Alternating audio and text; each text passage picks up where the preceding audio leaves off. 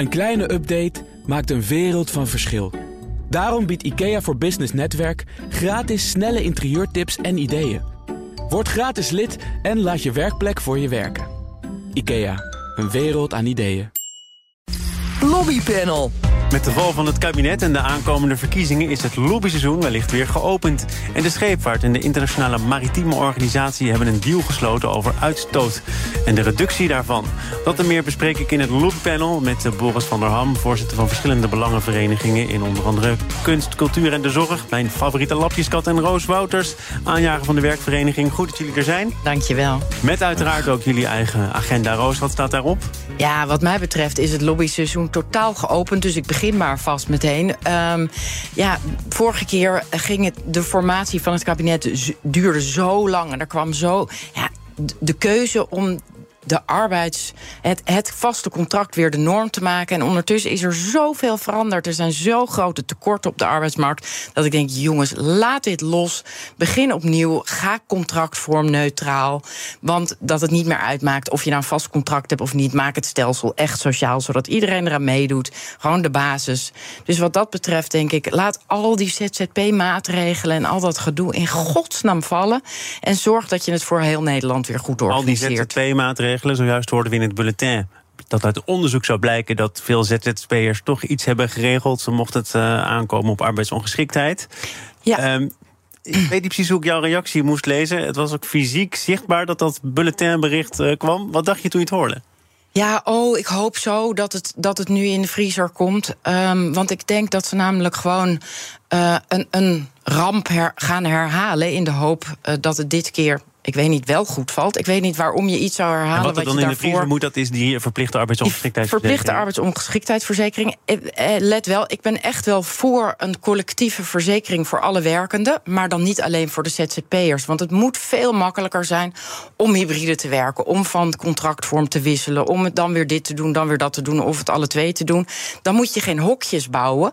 Dan moet je juist zorgen dat je fluïde over die arbeidsmarkt kan bewegen.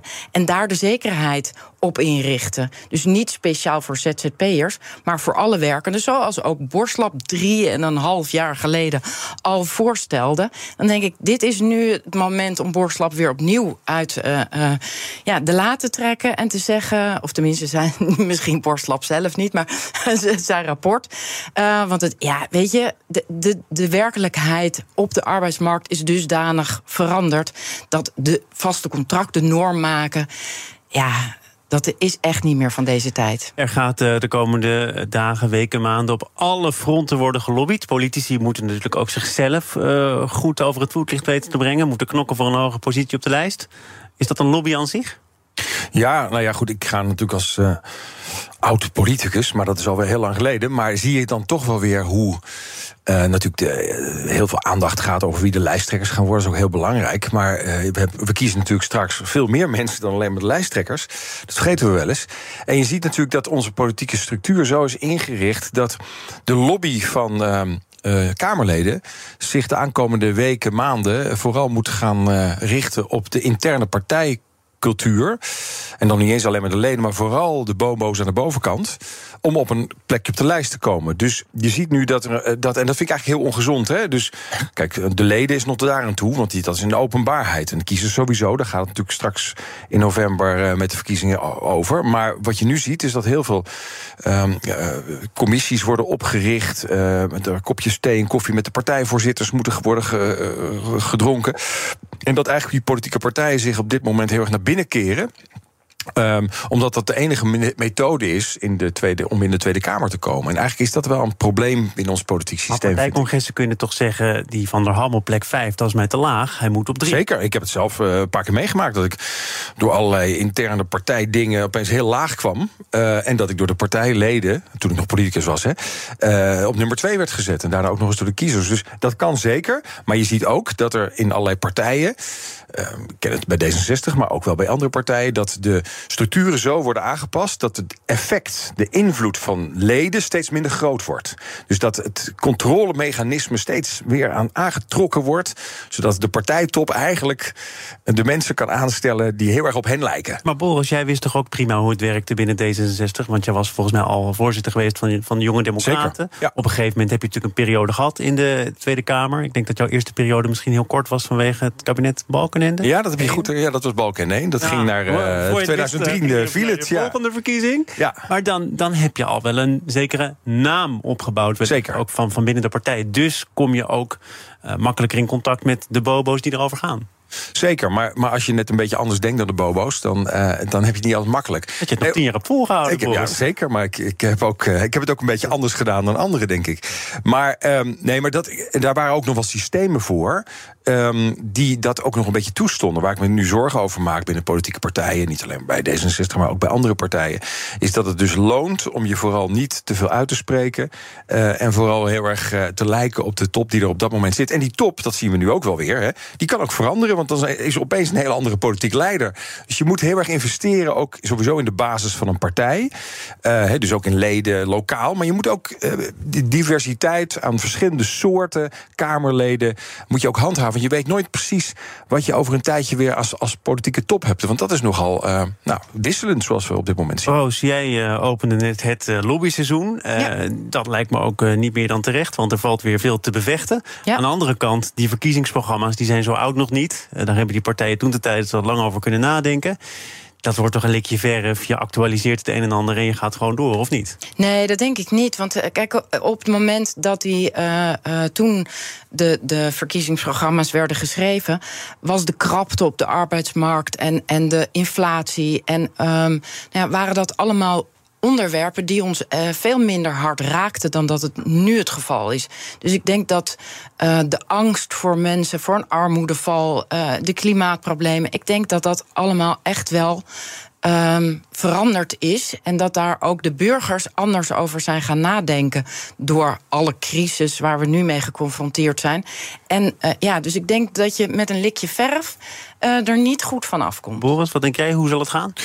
Nou ja, inderdaad. Het is, uh, het is zo dat de wereld ook echt wel in die 2,5 jaar is veranderd. Alleen al omdat we een oorlog uh, hebben in Europa. Waardoor we allemaal opeens van links tot rechts anders denken over defensieuitgaven. Hè. Nog maar per twee jaar geleden stond er een grote bezuiniging in de, in de, in de verkiezingsprogramma van de Partij van de Arbeid en GroenLinks. En die staan er nu niet meer in. Nee. Dus dat is al een groot verschil.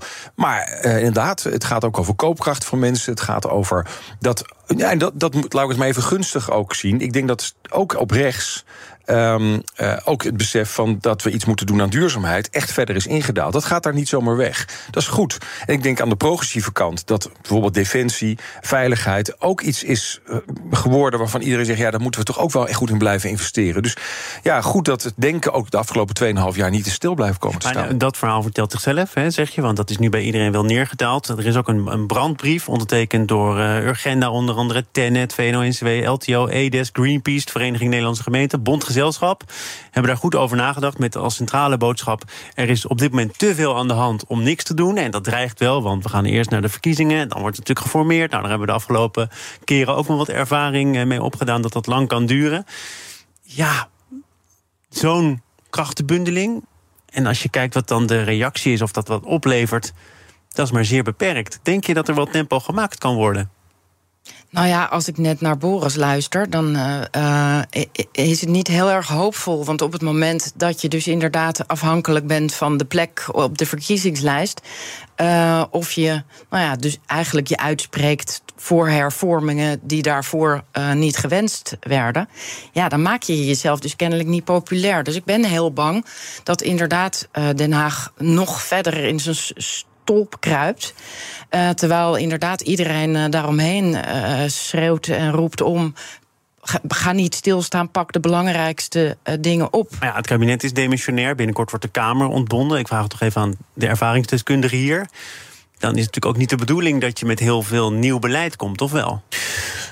Dat is helemaal aan de Kamer. Dat staat staatsrechtelijk helemaal niet vast. Het kabinet is demotionair, maar de Tweede Kamer is dat helemaal niet. Dus als de Tweede Kamer zegt: wij vinden dat wij met bepaalde wetgeving door moeten gaan. Ik ben, ik ben onder andere voorzitter van de gehandicaptenzorg. Nou, we hebben net een enorme hervormingsagenda rond de jeugd afgesproken. Dat gaat over de meest kwetsbare jongeren. Nou, wij hebben ook eh, afgelopen dagen een oproep gedaan aan, uh, aan de regering, maar ook aan politieke partijen om te zeggen: ga er nou in hemelsnaam mee door. Want we kunnen het ons niet permitteren om daarmee te stoppen. En als de Tweede Kamer zegt: ja, daar hebben jullie helemaal gelijk in, dan kunnen ze gewoon, er staat niks in de weg. De Kamer is eigenlijk altijd, hè, ja, er is even een klein moment dat er een wisseling van de wacht eh, dan in november gaat zijn. Maar de Kamer kan gewoon doorgaan met wetgeving te behandelen. Er staat niks in de weg. dan het uh, briefje? Nou, en iedereen, hè, dus dat is uh, aan, de, aan de regering uh, om te zeggen: ga hiermee door. Want we moeten heel veel uitonderhandelen, ook met, als branches, ook met hen, om te kijken hoe gaan we, en ook trouwens de VNG, uh, dus de Vereniging Nederlandse Gemeenten, moet gaan onderhandelen hoe we de jeugdzorg beter gaan, de jeugdhulp beter gaan organiseren. Nou, maar de Tweede Kamer, ja, die heeft een commissie, een commissie VWS, en nog heel veel andere commissies zijn erbij betrokken. En daarvan zeg je: ja, zet het op de agenda. Nou, eind augustus wordt de lijst gemaakt met controversiële onderwerpen. En natuurlijk zijn we nu heel hard bezig om te zeggen: laat die dingen nou niet controversieel verklaren. Want die zijn heel belangrijk dat we daarmee door kunnen Welke gaan. Welke wenslijst heb jij nog? Ja, of eigenlijk ik... vooral de wensen die niet op het lijstje met controversiële onderwerpen moeten? Oh, ik had hem andersom. Dus ik moet nu Mag ook, eventjes ook. denken. Nee, nee, ja, nee, nee, nee, nee, nee, ga je Ja, nee, gang. natuurlijk de AOV voor ZZP'ers. Ik denk, eh, eh, en ook, eh, nou ja, eigenlijk de hele arbeidsmarktwetgeving, wat mij betreft, die ze eh, voorstellen. Omdat ik denk, ja, jullie zijn nog steeds vanuit het kader dat je het systeem zoals we dat nu hebben, dat de sociale zekerheid aan de werkende gekoppeld wordt, eh, aan de, contractvorm gekoppeld wordt. Ja, die geldt niet Dus meer. wat jou betreft gaan er vooral dingen niet door. Ja, nou ja, nee, ik bedoel, ik denk natuurlijk dat we, we moeten verder met woningbouw. En uh, ja, de asielzoeker, eh, ze kunnen nu er niet uit zijn gekomen, maar we kunnen ze ook moeilijk in het gras laten slapen. Dus er zijn wel bepaalde dingen waarvan ik denk, ja jongens, uh, en in de zorg, maar ook in de gezondheidszorg, in de, hoe heet dat, de, de GGZ. Dan denk ik, ja, die problemen zijn te groot om niks te doen. Alleen. Ja, wat dan wel is natuurlijk wel spannend. Ja, maar ja, het heel spannend is natuurlijk bijvoorbeeld rond klimaatmaatregelen. Je kan heel veel kritiek hebben. Vanuit alle flanken komt dat natuurlijk ook wel op het klimaatpakket. 122 uh, voorgestelde maatregelen, zeg ik even uit mijn hoofd. Heel veel. Uh, maar uh, het ergste wat het bedrijfsleven. Um, kan overkomen, is dat er nog langer onduidelijkheid is. Want um, er moet voortdurend weer hergeïnvesteerd worden door bedrijven. Dan kan je maar beter weten waar je aan toe bent. Want het gaat vaak over investeringen die je doet voor misschien wel een decennium, uh, misschien wel langer. Dus hoe eerder je weet waar je aan toe bent, ook al is het iets waar je het misschien niet mee eens bent, hoe beter dat is. Want dan kan je het tenminste erop inregelen. Nou, en daarin is echt noodzakelijk dat of je nou van de rechter of de linkerflank bent, of van de middenflank, dat er duidelijkheid komt. Want niemand is gebaat met onduidelijkheid. Nou. Ja geldt denk ik ook voor het thema waar jij je vooral op begeeft. En je hebt natuurlijk een duidelijke voorkeur voor wat er wel of niet moet gebeuren. Maar zo'n beetje in het midden blijven bivakeren zonder te weten wat nu de richting wordt, is ook niet wenselijk. Nee, dat is desastreus. Mensen hebben behoefte aan duidelijkheid. En die duidelijkheid uh, met de wet DBA bijvoorbeeld is er al zeven jaar geen handhaving. Dan denk je, uh, ja, op een gegeven moment wordt het een soort van lachertje. Maar het heeft wel hele grote gevolgen dat die handhaving er niet is. Onder andere ook voor mensen die daar eigenlijk helemaal weinig mee te maken hebben. Dus wat mij betreft wordt schijnzelfstandigheid nog steeds niet echt aangepakt. Terwijl niemand meer weet wanneer ze nou precies een ZZP'er wel of niet in mogen huren. Waardoor ze nu, bijvoorbeeld de gemeente Amsterdam zegt gewoon bij tijdelijke klussen: waar, dit mag niet door een ZZP'er worden gedaan. Want wij doen de wet uh, DBA, nemen wij al serieus. En dan denk ik, ja, jongens, dat kan gewoon niet. Je sluit mensen gewoon uit van werk waar, waar ze gewoon voor opgeleid, waar ze, uh, ja, waar ze het voor doen. We gaan naar een andere Amsterdamse, maar ook uh, nationale kwestie, namelijk Schiphol. BNR Nieuwsradio. Zaken doen. Thomas van Zeil. Het lobbypanel is te gast. Boris van der Ham en Roos Wouters. De kabinetsplannen om Schiphol te laten krimpen kunnen doorgaan. De rechter oordeelde vorige week dat voor het experiment van minister Harbers geen uitvoerige verdere procedures nodig zijn. Omwonenden blij, luchtvaartmaatschappijen teleurgesteld. Roze, het, het gaat erom uh, hoe zwaar het economische belang van die luchtvaartmaatschappijen mag wegen. Of die zeer worden beperkt in hun exploitatie of niet. Uh, dit is de tweede keer dat deze zaak voorkomt. Uh, in eerdere instantie oordeelde de rechter, nou, dat economische belang dat mag er zijn. Deze rechter komt tot een ander vonnis. Um, hoe kan dat eigenlijk ineens? Nou, ik denk ook dat de, de, de omwonenden en, en het geluid uh, ook om de stikstof te reduceren, dat je niet alleen maar naar de boeren kan kijken en naar het economisch belang. Op een gegeven moment moet je toch ook inzien dat er andere belangen zijn. En dat die al heel lang gewoon niet gehoor hebben gekregen. Want er werd gewoon te veel lawaai gemaakt. Er, er wordt te veel uitgestoten. Op het moment dat je zegt: een ene groep mogen we wel gewoon keihard aanpakken. en, en, een, en een zwaard van Damocles boven hun. Uh, ja, economisch belang houden. Uh, maar op het moment dat het op onze KLM aankomt, dan ineens is iedereen geëmotioneerd. Dan denk ik, ja, dat hou je op een gegeven moment ook niet meer vol. Dus ik vind het wel een logische verandering. Kun je dit nog uh, lobby noemen, of is dit wel echt het sluitstuk van lobby als je elkaar voor de rechter treft? Het kan zelfs soms ook het begin van een lobby zijn. Want je kan ook een proefrechtspraak, uh, rechtszaak aanspannen. En dan kijken of op basis van de uitspraak dan vervolgens weer.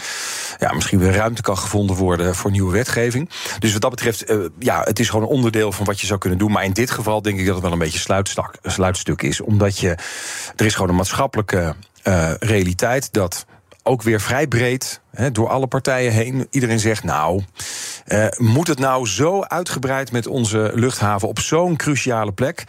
Er werd al over stikstof uh, gesproken. Uh, je hebt eigenlijk geen verhaal naar boeren toe op het moment dat je niet naar andere sectoren ook kijkt. Dat zegt ook BBB ook de hele tijd. En kijk ook naar andere sectoren. Nou, daar hebben ze helemaal gelijk in. Dat doen we dus nu ook zo. Ik denk ook wel dat het te maken heeft met de ruimte die in de noordelijke randstad is. Heel veel van die ruimte wordt ingenomen door Schiphol, door aanvliegroutes. Het wordt straks misschien makkelijker op het moment dat je iets minder luchtvaart hebt om woningen te bouwen. Juist op de plek waar die het meest noodzakelijk zijn, namelijk de noordelijke randstad. Dus wat dat betreft zijn er allerlei goede redenen, ook economische redenen om dat te doen. En tegelijkertijd kan je ook altijd kritisch kijken naar de meerwaarde van de uh, hoeveelheid vluchten die daar zijn. Want er zijn ook, ook heel veel vluchten waar je economisch beperkte meerwaarde aan hebt, waar je niet zo heel veel aan verdient, wat een beetje bulkproductie is. Uh, net zoals dat je ook in andere sectoren, bijvoorbeeld de veeteelt, mag kijken van nou, is dit nou echt van grote waarde? Nou, of uh, zegt bijvoorbeeld hè, dat de vereniging van de, van de maatschappijen, die zegt wij maken ons zorgen dat andere landen nu Nederlandse luchtvaartmaatschappijen beperkingen zullen opleggen, omdat die vanwege de beperkingen op Schiphol daar niet meer welkom zijn. Dus zo dat zou kunnen. een beetje in je eigen staart. Moet je dat dan toch serieus nemen als argument? Dus zeker. En dan moet je dus ook accepteren als dat gebeurt. Dus dat kan. En um, ja, wat dat betreft is het niet zo dat elk dreigement van ja, iets heeft consequenties, dus we moeten het maar niet doen. Nee, dat heeft dus consequenties. En de, om die reden moet je het misschien juist wel doen. Uh, en moet je het ergens anders oplossen.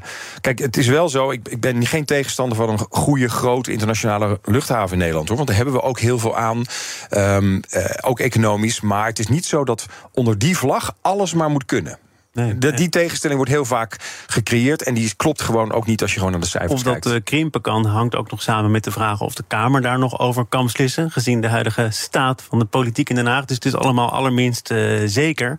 Um, maar uh, wat ik er nog wel aan uh, wilde toevoegen is ehm, dat Ruud Zondag blijft. De, de interim-topman van Schiphol. En Schiphol, dat is niet onbelangrijk, heeft natuurlijk zelf ook plannen gepresenteerd om te gaan krimpen. Geen nachtvluchten meer, geen lawaaiige vloot meer, geen privéjets meer. Ja, dan wordt het voor die luchtvaartmaatschappijen denk ik wat minder makkelijk om hun zaak nog te beslechten. Ja, en tegelijkertijd weet ik niet of dat dan niet ook hun zaak beslecht. Want ik bedoel, op het moment dat je het met z'n allen iedereen wordt daarbij getroffen bij Schiphol. Niet alleen maar de KLM. Maar als Schiphol zegt, joh, dat krimpen, daar staan we eigenlijk zelf wel achter. Ja, dan heb je als KLM of andere luchtvaartmaatschappij natuurlijk nog weer minder te willen, denk ik. Ja, en tegelijkertijd met z'n allen. Dus dan kan je elkaar ook niet echt beconcurreren. En ik denk, ja, weet je, het, het, het uh, maakt het sympathieker van Schiphol. Ik denk dat dat ook belangrijk is van Schiphol. En dat de grootste aandeelhouder van Schiphol de staat, de staat is. Dus ja, dat, ja, ja, ze moeten overal rekening mee Ik kan me ook voorstellen dat het gewoon aandeelhouders zijn, zeggen... die van, ga maar gewoon procederen, doe je in ieder geval je best. Maar dat ze weten dat het een onbegonnen weg is.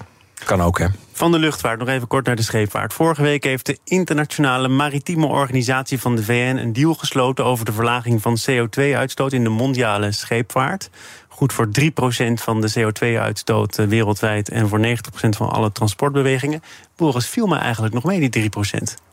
Ja, heel vaak staat de scheepvaart bovenaan het lijstje van de meest vervuilende, relatief dus blijkbaar, uh, uh, transportmiddelen. Um, hartstikke goed dat er wat aan gebeurt. Kijk naar de vorige discussie. Iedereen moet zijn steentje bijdragen. Lastig van die scheepvaart is natuurlijk dat het heel, heel erg internationaal is. Dat ze soms onder andere vlaggen varen. En hoe ga je dat precies doen? En dat er in Europa een heffing wordt geheven op CO2-uitstoot en in andere continenten niet. Exact. Dus je krijgt allerlei level playing field discussies. Dus dat is hartstikke goed dat er wel een poging wordt gedaan. Die is natuurlijk per definitie, als je daar net aan begint kreupel. Want uh, er zitten allemaal dingen in die nog niet werken. En die uh, uitsteldingetjes. En dat er over een paar jaar toch nog weer eens gekeken wordt hoe het dan beter moet. Dat is wat mij betreft een beetje ruis. Dus dat gaat altijd als je iets nieuws doet. En zeker als het zo internationaal is en dus ook lastig te pakken. Dan krijg je allemaal halfbakken opvattingen en, en maatregelen. Dat uiteindelijk kristalliseert zich dat vanzelf weer uit, is mijn verwachting. Dus je moet er gewoon mee beginnen. Met heel veel gedoe en ruis. En dingen die nog niet helemaal goed zijn. Kinderziektes. Maar gewoon wel doen, want het is wel nou belangrijk. Roos, vind je dat ook alleen maar ruis als er wordt gezegd uh, nul uitstoot rond 2050? Dan vind ik dat je dat al zo losjes kunt interpreteren dat je vooraf al weet dat 2050 in ieder geval geen harde deadline is. Nou ja, kijk, ik denk dat het heel belangrijk is dat het een signaal is, jongens, jullie ontkomen de dans niet. Dus ga nu als een sodemieter zorgen dat je je inleeft, inleest, uh, voorbereidt op investeringen en hervormingen. Die zorgt dat je in 2050 zo ver mogelijk bent. Ik ben niet zo, zo, zo kritisch op die twee. je weet niet precies wat het stand van de techniek is.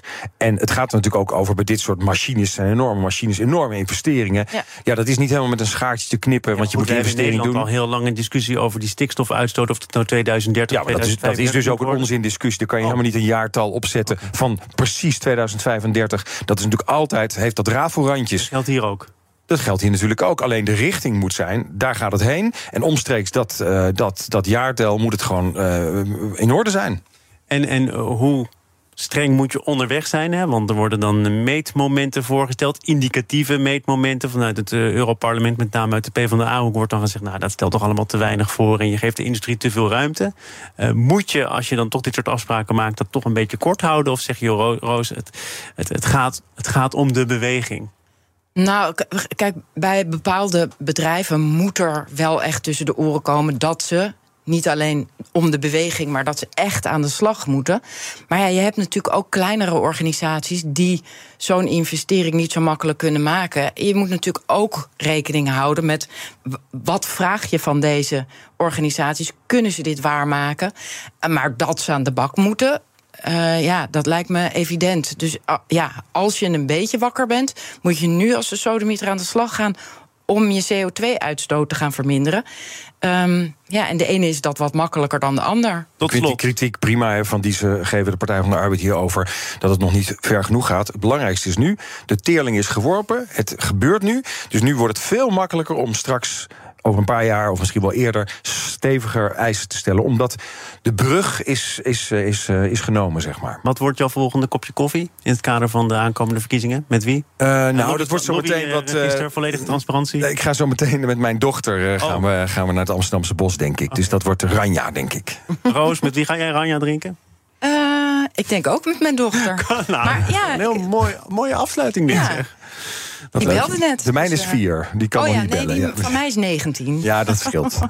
Toch ook nog aan de Ranja Rooswouters van de werkvereniging. Dank voor je komst. En Boris van der Ham, mijn favoriete lapjeskat. Voorzitter van verschillende belangenverenigingen met welluidende namen. Tot een volgende keer. volgende keer. Dit panel is ook te beluisteren als podcast. Abonneer je vooral even via je favoriete kanaal of de BNR-app. Zometeen een gesprek met, jawel, een future business leader.